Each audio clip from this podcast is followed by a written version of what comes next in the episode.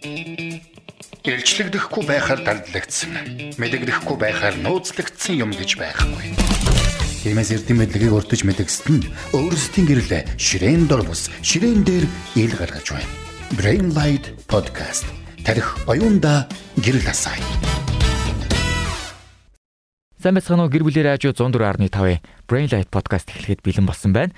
За өнөөдөр Brain Light podcast-аар санхүү эдийн засгийн их сургуулийн дэрийдэх эдийн засгийн клубын гишүүн төгөлдөр хүрэлцэн ирж бидэрт финтек гэж зүйлийн талаар бидэнд танилцуулах болно, мэдээллийг хүргэх болно. За. За тэгэхээр өнөөдөр сонсогч нарт маань а ер нь бол Brain Light маань яг иргэдэд эдийн засгийн мэдлэг, санхүү эдийн засгийн мэдлэгийг олгодог байгаа.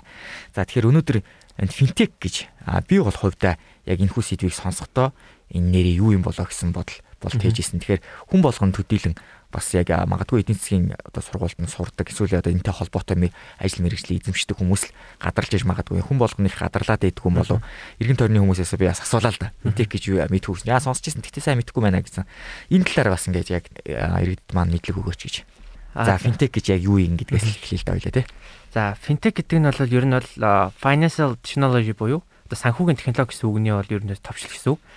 Тэр энэ финтек нь бол одоо иргэд бол нэг сайн мэддэг. Гэхдээ энэ төр энэ технологи нь бол бидэртний амьдралд бол өдөр тутмын амьдралд аль хэзээ орж ирээд өчнөө олон жил болчихсон байгаа даа. Одоо чинь бид нэр анх ингээд банкнуудад очил банкн дээр очиж очирлол тэлэр ингээд өөрийнхөө мөнгийг өөр хүний даас руу шилжүүлэхдээ ингээд очирлол цаг хугацаагаа үрээл тэгснэ өндөр шимжилт төлөвтэй банк оронд бол 500 төгрөг байдаг лөө өндөр шимжилт үүссэн бэл финтекийн салбар орж ирснээс та өнөөдөр одоо мобайл банкаар эсвэл ухаалаг утасныхаа тусламжтайгаар зүгээр интернеттэй үед хаанаас хамаагүй мөнгөө шилжүүлэх боломжийг олгоод байгаа. Энэ зүйл нь бол одоо финтек технологи гэдэг эндээ оршоод байгаа. За тэгэхээр ер нь бол энэ финтек технологиг мэдснээрээ иргэд одоо өнөөдрийн хоёулангийн подкастыг иргэд одоо сонсож байгаа сонсогч маань мэдснээрээ ямар даваа талтай энийг бид нар ер нь яагаад мэдэх ёстой?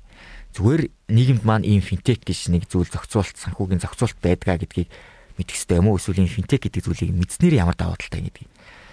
За энэ нь бол одоо ингээд финтек гэдэг зүйлийг одоо мэдснээр одоо финтек суурилсан зүйлсийг хүмүүс ингээ илүү их ойлгочлээ хэрэглээгөө ойлгоод энэ яг бидний хэрэглээд байгаа юм юутай холбоотой юм гэдэг мэдэх болно. Тэгээд яг энэ бидний ашиглаж байгаа технологи нь цаанаа яг төр засгаас юм уу те. Энэ байгууллагаас ингээд эднийг зохицуулж чадчих байгаа юу? Энэ ямар нэгэн байдлаар эрсдэлгүй зүйл мөн үү гэдгийг илүү мэдэх шаардлагатай байгаа гэсэн үг. Жишээл авах юм бол одоо бид нар энэ блокчейн технологи гэж ярьж байгаа. Тэгэхээр энэ дээрээс ингээд крипто койн гэж гараад байгаа тийм үү? Одоо сая 11 сараас эхлээл бараг байгууллага болгон л койн гараад байгаа. Энэ бүгдэнд нь хүмүүс ингээд мөнгөө зарцуулаад хөрөнгө оруулалт хийгээд байгаа мөртлөө энэ яг цаана хуулийн зохицуулт байгаа мó? Миний мөнгө яг эрсдэлгүй зүйл рүү хөрөнгө оруулалт хийгдээд байгаа мó гэдгийг иргэд нь өөрсдөө мэдхгүйгээр ороод байгаа учраас энэ финтекийн талаар илүү их ойлгоод судлах юм бол одоо дараа нь юунд хөрөнгө оруулж байгаа яг юу ашиглаад байгаа юм энэ цаана надад аюулгүй эрсдэлгүй юу гэдгийг мэдэх нь бол иргэдэд илүү чухал байгаа гэж бодож байна. Аа. Одоо тэгэхээр одоо сүүлийн үед одоо нэг асуудал бол гарч байна. Зөвхөн энэ бол крипто валютай болох хамаагүй байх бах тий. Санхүүтэй холбоотой технологицсан бүхий л одоо салбарт энэ асуудал бол яригдчих эхлэх байх л та. Жишээлбэл одоо сүүлийн үед одоо энэ хаан банкны гэдэг нэг асуудал бол нэлээд хөндөгдөж чинь хүмүүсийн нэлээд бас тав тухгүй байдалд одоо хүрэж штэ. Энэ бол бас л технологитой холбоотой нэг асуудал тэнцээ бий болоод байна тий. За тэгэхээр энэ өөрөө зохицуултгүй байгаа юм шиг хариуцлага хүлээхгүй байна гэдэг зүйлсүүдийг хүмүүс их дургүй байгаа хандаад байна л та тий. Тэгэхээр энийг энэ бол бас энэ финтектэй холбоотой асуудал мөн үү? За ер нь бол саяных бол тухайн финтекийг ашиглаж байгаа эрсдлийн нэг нь баггүй. А эрсдлийн нэг. Эрсдэл нь болно гэсэн үг. Чи одоо ингээ үйл ажиллагааны эрсдэлтэй саяны зүйлэл орно гэсэн үг. Тухайн байгууллага тэр технологиг одоо ашиглаад энэ бидний мэдээллүүдийн дижитал хэлбэрээр болгоод платформ болгоод аппликейшн болгоод ингээ бидэрт хүргэж байгаа. Гэтэ тэр аппликейшн систем нь бол ингээд төгс ажиллаж чадахгүйгээр эрсдэл гаргаад технологийн одоо юу гэдэг тэр бичсэн кодынхын ч юм уу цаана ингээд алдаа гарсан тохиолдолд тэр хүний мөнгийг өөр хүн рүү зүгээр ингээд шилжүүлчихсэн байвал энэ ингээд эрсдэл үүсэж байгаа юм. Энэ бол ингээд финтек технологийн нэг нь эрсдэл нь энэ гэсэн үг. За тэгвэл эрсдэлний за энэ бол эрсдэл юм байна тий. Тэгвэл хоёулаа бүр яриагаа эхнээс нь ахуулъя л да тий. Хизэнээс энэ юу технологи үүсч эхэлсэн. За гадаад орондоо мэдээж үүссэн баг. Тэгээ Монголдоо ч гэсэн одоо энэ бас ингээд нэвтэрж ингээд явж байгаа бах тий. Одоо манайх хэр одоо ямар төвшөнд явж байгаа. Энийг одоо одоо хүртэл одоо бид нар ямар нэгэн байдлаар илүү төвшин хүлээх ёстой юу эсвэл манайх яг цаг үетэйгээ нийцж явж чадж байгаа юу гэдэг зүйлийг асуух ёстой юм шиг надад санагдлаа. За за юуны төрөнд финтекийн үүслийн нэр гэж бодож байна. За яг энэ финтек салбар бол ичимтэй үүссэн цаг нь бол ер нь бол 2008 оноос хойш гэж хэлж болно. Яг гэвэл 2008 онд дэлхийн санхүүгийн хямрал болсон шүү дээ.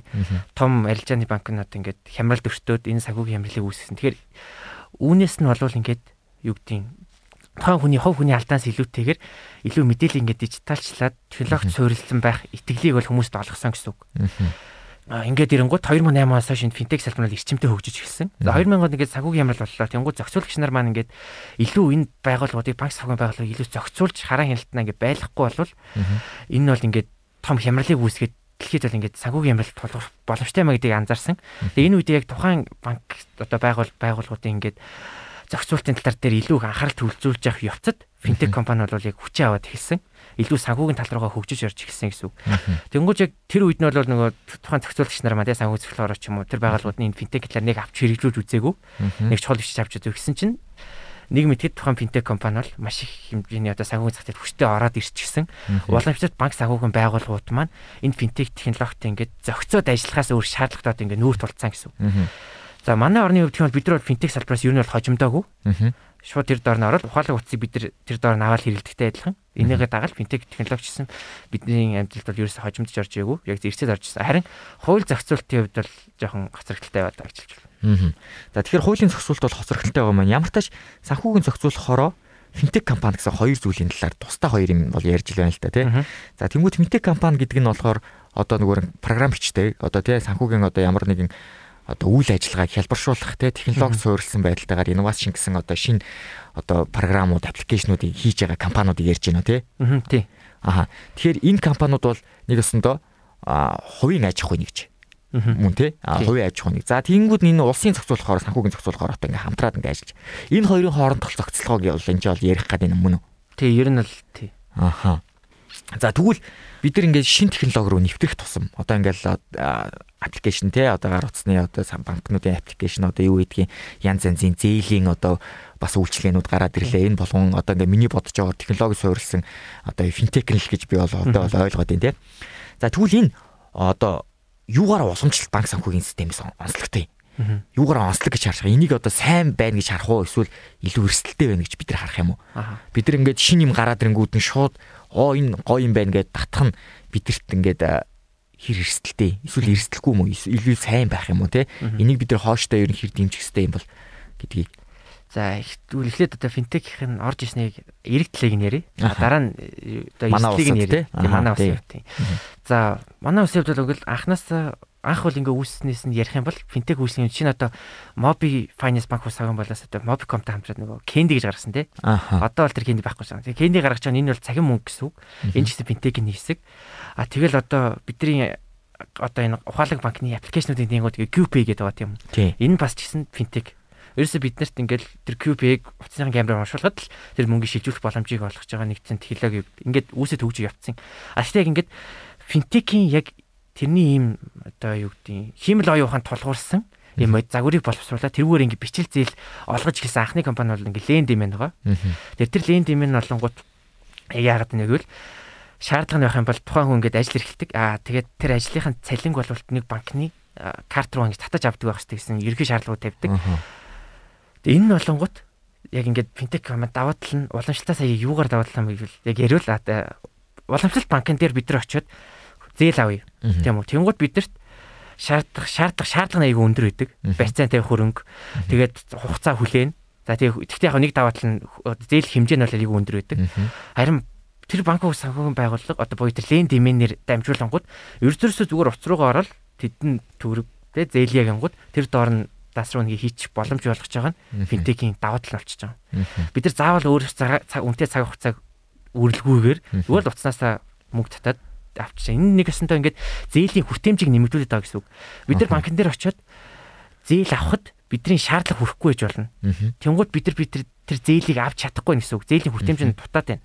Тэнгууд нь банк улсын хамгаалалтын байгууллагын бичил зээлүүдийг олгож байгаа юм аа. За лендинг нэг яадаг вэ гэвэл анх бол 50 мянгаас 1 сая төгрөгийн бичил зээлийг бол олгодог байсан.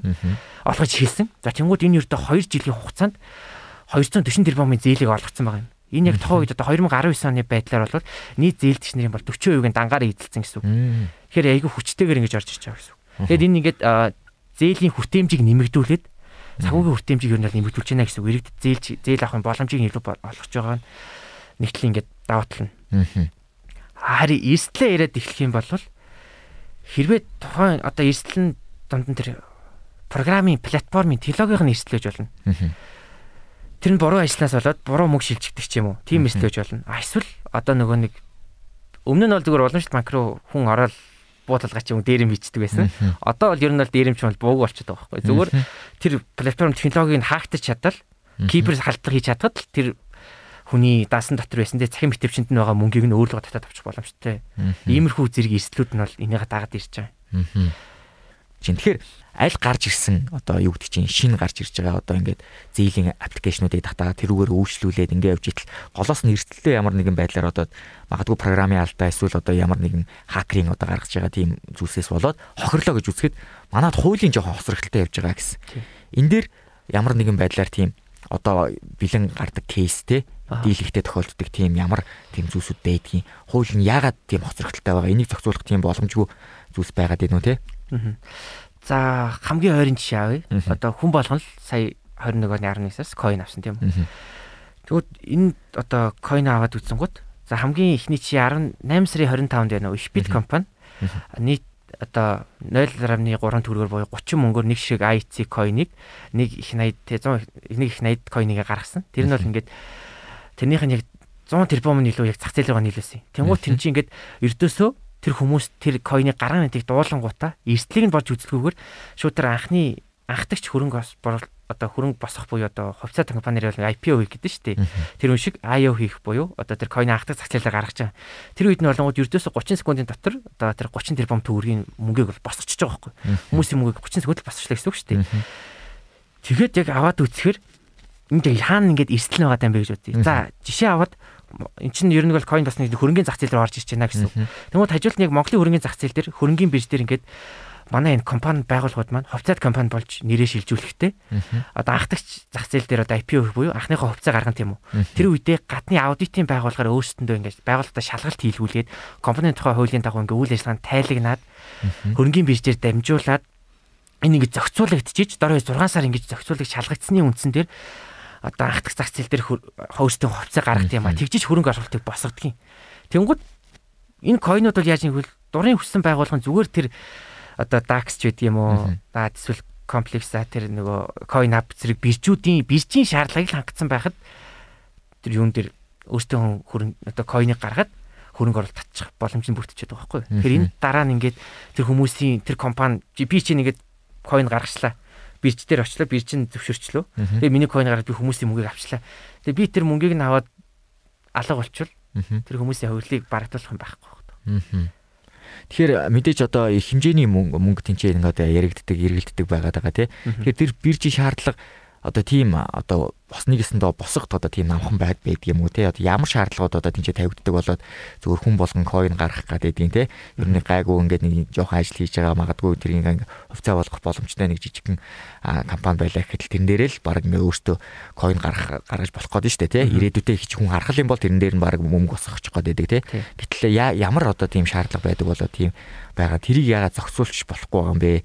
гэдэг зүйлийг мэдмээр байна л да. За би яг бол яг койнууд нь биш крипто төр биржүүд нь ямар шаардлагыг тавьдгийг нь бол би маш тодорхой сайн мэдэхгүй байна. А гэхдээ эн чинь ингээд хэн хүснэ л тэр бирж дээр очиод тэр чин бирж чинь ямар нэгэн төрийн зохицуулалттай байгууллага биш, хууль зохиолох байгууллага биш учраас тэр бирж яг өөрөөсөө тийм хуулийн дагуу шаардлагыг тавьж байгаа эсийг нь бол тодорхой мэдэхгүй.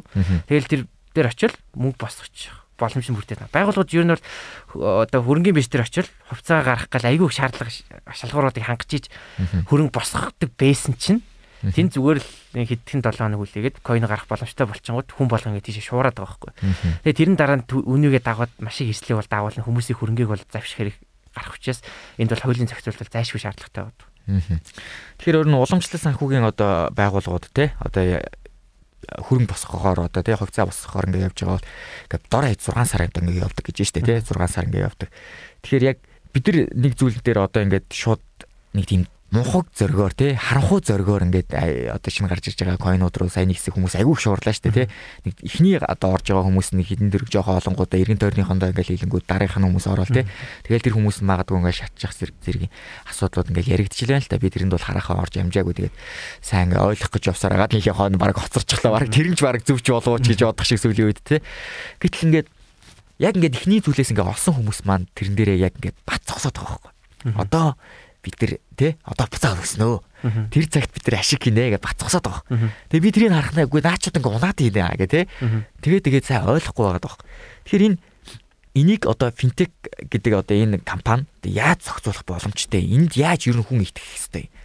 Энд угаасаа ингээд эдийн засгч нарын ярахаар ингээд эхлээд айгүй ингээд эсэргүүцээ те энэ бол ямар зохицуултгүй одоо энэ гал ярьж исэн тэгсэн чинь сүултээ зарим нэг нь өөртөө бараг тий орж мурцсан байх жишээ нэ тий өөртөө зохицуултын зарим нэг юм ингээ ярьж марцсан байх жишээ нь ингээ явж явах жишээ. Тэгэхээр хүмүүст бас нэг юм би болохоор яг хэнийг ханаа болгоод байна гэхээр ярьж байгаа эдийн засгчдыг ханаа болгоод байдаг. Гэтэл тэд нар өөртөө ямар зохицуулахгүй гэж ярьж яснаа дараагаар нь өөртөө яваад орцсон байх жишээ тий. Тэгэхээр энэ технологитой найдаад энэ эсвэл энэ зүгээр мөнгө тоонд найдаж ороод байна бас. За миний бодлоор энэ яг нөгөө нэг хөрөнгөний зах зээл дээр нөгөө арилжаанд орж эхэлж байгаа хүмүүсийн тэр 90% нь өөрийнхөө мөнгийг одоо дансыг хоослоод энэ зах зээл бол ер нь хэрэггүй гэд гардаг гэж ярьдаг хгүй юу. Яг тэр 90% нь орж байгаа хүмүүсийг яагаад байгаа юм бэ гэвэл өөрсдөө ингээд юу гэдэг юм амь нас амьдралтаа чухал хэрэгтэйтэй зүйлээрээ хөрөнгө оруулалт хийчихдэг байхгүй. Жишээ нь машина барьцаан тавьдаг ч юм уу. Эсвэл байраа барьцаан тавь зээл аваад тэр хөрөнгө оруулалт хийчихдэг. Тэнгууд нөгөө ханшин одоо тэр койны ханшин ингээд эртөө эрэлт нийлүүлэлтийн хуулиар зохицуулж байгаа шүү дээ. Тэнгууд нөгөө ханшныг унаад эхлэн тийм хүмүүс нэг авах хүсэхгүй бол унаад эхлэнгууд нөгөө хүний чинь ингээд нүдэн дээр нь ингээ мөнгө нь унаад тэ тэр зээлж асан мөнгө нь унаад байгаа. Тэнгууд тэр хүн ингээ сандраад одоо арилжаас гарна тийм арай эрт гараад илүү алтаас өмнө гарчин. Тэгээ гарсан чинь нөгөө хүн жоохон бийж хагаад маргааш нь үүдсэн. Дараагийн хоногс буцаа өсөөд эхлэнгууд өө эн чи өсвэсэн биш тий. Ингээ буцаад дахиад тэр авсан хүн дээр очингууд нь дахиад авчдаг. Тэгсэн чинь дахиад унаад ирэнгууд аль хэзээ тэр мөнгө өөрөө анх хөрөнгө оруулсан мөнгө тал мөнгөний алдсан байхгүй. Гэвч тэргээр өөрсдөө ингэж эрсдэлт оруулалт тохируулах маягаар одоо хөрөнгө хөрөнгөний зах зээл дээр ороод идэгин. За тэгэхээр энэ бол нэгт буруу. А гэхдээ яг хөө энэ энэ блокчейн технологи төрлийн криптокурренсийн одоо нэг давуу тал нь их юм бол энэ бол төрийн хараат бус одоо зохицуултгүй гэдэг нь бас нэг давуу тал байна. Яг гэвэл нэг юмнаас ингэ төвлөрөхгүй гэсэн үг. Бидний энгийн халаасанд байгаа төгрөг гэдэг эсвэл доллар гэдэг энэ валют бол тухайн орны төв банкнаас нь бол айгүй хамааралтай. Төв банк зээлийн бодлогын үгээ хэд болох нь яаж ямар шийдвэр гаргах нь гэдээс хамаарат тэр ханшин ингэж ханшин тэгээ хүчтэйг нөлөөлж чаддаг. Харин энэ койнууд нь бол зүгээр ингээд тэр зах зээлийн эрэлт нийлүүлэлтээс шууд хамаарч байгаа учраас юм төвлөрсөн биш. Нэг зүйл дээр төвлөрөөгүй гэдэг утгаараа хүмүүс илүү их шуурдаг байхаа гэж. Аха. За тэгэхээр энэ одоо энэ финтек компани гадаад улсад ер нь бол ямар зохицуулалттай ер нь явж идэгин те финтек одоо компани те яг яг нэг ямар оролцоотой байдгийн те одоо энэ крипто валют дээр манад одоо яг ийм крипто валютыг зохицуулж байгаа финтек гэж одоо байна уу те За гадаад орнууд бол энэ одоо энэ жишээ шууд ярьсан тэр coin энтер ч юм уу те энэ зохицуулсан юм тодорхой хүчин алдсан юм зохицуулалт байхгүй. Тогтсон стандарт байхгүй. Уус болгоёг өөрөө өөрийнх нь зохицуултыг шинээр бодвол тэрүүндээ тааруулаа хэрэгжүүлж явж байгаа. Жишээ зарим үед тохиолдол хятад бол шууд тэр чигээр цахим мөнгө криптовалют гэж шиг нь хоригддаг ч юм уу. Их байдлаар ингээд өөрөө өөрсдөө гэсэн зохицуулт үүсэж байгаа. Энэ яг дээр энэ нь тэр нь дими гэсэн юмыг л тодорхойлж чадахгүй. А тэгвэл яг дэлхийд даяар ингээд энэ финт зөвхөн крипто гэхгүйгээр энэ блокчейн технологи гэхгүйгээр зөвхөн одоо юу гэдэг нийт финтектэн зориулсан нэг зохицуулт байгаа даа нь бол Sandbox зохицуулт гэж нэрлэдэг. Аа за. Энэ Sandbox зохицуулт нь олонгод яадаг вэ гэвэл финтек компаниудад зориулаад энэ санхүүгийн хөгжлийг боож одоо ингэж хөгжлийг инновацийг зогсоохгүйгээр давхар өөртөө хууль зохицуултыг ингээд давхар хөгжүүлээд хөгжүүлэх боломжийг олгодог зохицуултын төрөл байгаа даа. Энэ бол хамгийн 2015 онд Их Британи улсад бол хэрэгжиж эхэлсэн. Тэгээд анх хэрэг 15 оноос хэрэгжиж эхлээд 19 он хүртэл бол нийт 300 гаруй финтек компани л тэр Sandbox зохицуултад ингээд хамрагдтаа гэд ингээд шаардлагыг нь хангаад орсон. Шаардлагат нь хангахын тулд өөртөө бүртгүүлсэн. Тэр нас яг Sandbox зохицуултын ингээд шаардлагат нь нийцсэн бол нэг 148 билүү компани үлдчихэж байгаа. Тэнгууд яг тэр шаардлагыг нь давж гараад Sandbox зохицуултын ард нь гарч чадаад үйл ажиллагаа эрхлэх зөвшөөрлийг авч чадсан нь бол ердөөд чинь нэгэн компани. Тэгээ тий ер нь тэр чинь нэг юм шалгуур явагдаад дээ тий. Sandbox бол энэ финтек компаниудыг зохицуулдаг хөгжүүлэнгээ зохицуулдаг тий. А тэгвэл илүү ингээ хажууд нь хажуудалд нэгсэндөө энэ параллел шугамтай л явж байна Тий. Ер нь бол хязгаарлаа тий. Ямар нэгэн байдлаар ингээд буруу хазгаа явах ингэүүд нь тэрэнд нь одоо хязгаар мязгарын одоо дүрм журмын тавьдаг тий. Ямар тач параллел шугамтай ингээд сэндбокс гэж зохицуулт байдаг юм байна. Тий. Энэ зохицуултанд нь одоо манай манад явж байгаа одоо финтек компаниуд байдаг юм уу? За энийг ярих юм яг сэндбоксныг ямар шүүд чинь зохицуулт байдгийг нэхлээ. За тий. Энэ сэндбокс зохицуулт гэдэг одоо ойлголтод бол анх яаж үүссэн бэ вэ? Ерөөс энэ кодчл дээрээс үүссэн байна. Код бичээд шинээр код бичээд систем туршлаа тийм үү. Гэтэ тэрийг шууд интернет ч юм уу үндсэн ийм төв систем руугаа тэр кодыг тавьсан чинь тэрэнд буруутаад эсрэгээрээ вирус орчуул яах вэ? Тийм учраас тийм эслийг хязгаарлах бол тодорхой юм жижиг орчин дотор одоо сэндбокс гэж ийсэн хайрцаг гэсэн үг шүү дээ. Тийм хайрцагын дотор тэр програмыг туршиж үзээд үнэхээр зүгээр асуудалгүй ямар нэг эрсдэлгүй вирусгүй ажиллаж байгаа юм бол тэрийг нь яг үндсэн систем дээр тавьдаг ийм зохицуултаас энэ бол үүссэн. Тэгэхээр энэ яах гээд нэг л финтек компаниуд нь тухайн савуу цэцлэгэнд ингэ бүртгүүлээд орчлоо тийм үү. Тэнгууд эхний шалгуурууд нэг юм бол тухайн финтек компани одоо тэр төслийг нь ахалж байгаа хүн нь мөнгө авах хэрэгтэй өмнө холбогдоогүй байх хэрэгтэй. Одоо тэр үдшнэрийн шаардлага тавьдаг байх хэрэгтэй. Зээлхэн талбартай байх хэрэгтэй. Тиймэрхүү шаардлагуудыг эхлээд тавина. Тэр шаардлагуудыг тэнцэж гарч ирсэн байгууллагууд нь бол шиний үгтэй нэг 1000 юм уу 2000 хэрэглэгчтэй хэрэглэгч дунд тэр өөрсдийнх нь үйлчлэгийг тушаад үзэх боломжийг нь олгоно. Тэр нь ингээд бас нэг 6 сараас одоо нэг жилийн хугацаатай байдаг. Тэр хугацаанд нь үнэхээр тэр байгууллага ажиллаад ашигтай байгаад тэр бүгдээ ингээд тайлагна шүү дээ. Ер нь бол тэр одоо санхүү үйлчлэл тэр ингээд юу гэдэг сэндбокс зохицуултыг газартайгаа ингээд хамтраад ажилладаг байхгүй. Тэгэхээр энэ хамтарч ажиллах нь яаж юм бол хоорондоо харилцан бие биентэйгээ мэдээлэл солилцож байна. Тэгвэл нэг бол нэг талаараа энэ финтек компаниудад үйл ажиллагаа эрхлэх боломжийг нь олгоод байна. А нөгөө талаар болонгод санхүү тэр хууль эрхцэн дүрмийг нь зохицуулж байгаа улсуудад нь яг энэ цаг үеэ болсон тэрэндээ дагсан зөв зохицуултыг нь тодорхойлж гарч ирэхэд илүү боломжийг нь олгоод байгаа ингээд аль тэр талтайг хөгжилтэй гэсэн. Аа манай орны хувьд болонгод 2021 оны 3 сард бол санхүүлийн зохицуулахаараа төв банкнаас бол энэ сэндбокс зохицуултын журмыг нь бол баталсан байгаа юм. А яг хэрэгжээ тэрүүнд нь ингээд финтек компаниуд ороод хитэн финтек компани тэндээс нь гарч ирснийг нь бол сайн тодорхой мэдэхгүй байна. Юу ч би санхүүгийн зохицуулахаараас ороод сэндбокс зохицуултын журамтай нь бол танилцсан. А тэгтээ яг тэн дотор тэр тэр байгуулга гарсан гарсан гэсэн тодорхой юм бол байгаагүй. Тэгээ тэр төрлийн мэдээлэл бол ер нь бол байхгүй байна л гэж. Аа тэгэхээр ер нь бол гадаад улсын судалгааны шинжилгээний одоо ажил одоо энэ дээр бас хэр яаж явагдаж идэм бэ? Жишээлбэл би бол одоо ингээд ярианаас ингээд нэг зүйлийг ойлгох гээд юм л та тий. Бидэрт одоо иргэд бидэрт те одоо эдгээр бид нар бол ямар нэгэн байдлаар одоо технологи суурилсан одоо санхүүгийн үйлчлэгээнүүдийг бол авч л байгаа те одоо карт банк одоо юу гэдгийг те аппликейшнууд ингээл авч л байгаа. Гэтэл одоо яг энэ финтекийг энэ сэндбоксыг энэ хоёр хоорондоо ямар уялдаа холбоотой байж ажиллаад тий Тэгээд бидэрт ягаад аюулгүй аюулгүй бид нар хамгийн гол нь аюулгүй санхүүгийн үйлчлэл амар ба шүү дээ. Тэгээд энийг би ингээд илүү ингээд тод ойлгомоор байхгүй. За ямар тач би ингээд sandbox гэж юу гэдгийг ойлголоо тий.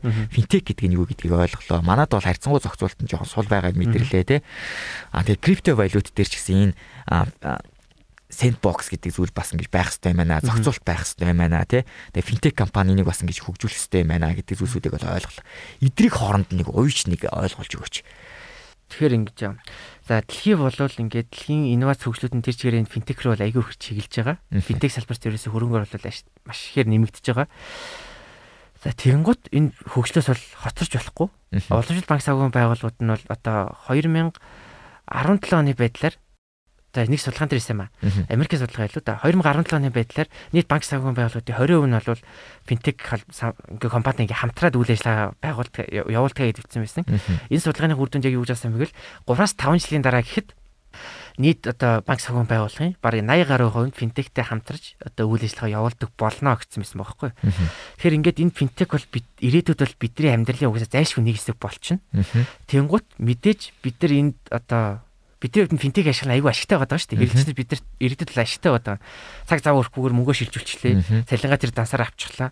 Тэнгууд одоо бүр хөрөнгөний зах зээл рүү ороод тэр коинд хөрөнгө оруулсан чинь одоо өнөөдөр сая тэр их битгээ ярихангууд гарах гарахтаа 30 мөнгөөр гарсан гэж байна. 0.3 төгрөг.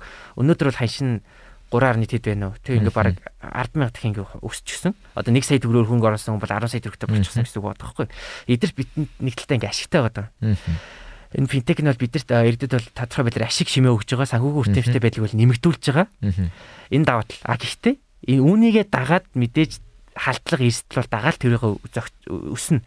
Тэгвэл тэр эрсдлүүдээс хамгаалах зүйлийг нь санхүүгийн зохицуулахаараа одоо бидний төлөө ажиллаж байгаа байгууллагууд ч тийм энэ төв банк юм уу санхүү цэцлэгээс энэ бүгдийг зохицуулаад хууль эрхчмээр журманд нэгээд батлагдаад явчих юм бол бидний одоо энэ үйлчлэгийг авах авснаар ингээд үүсэх эрсдлийг нь тодорхой хэмжээнд ингээд бууруулчихж байгаа.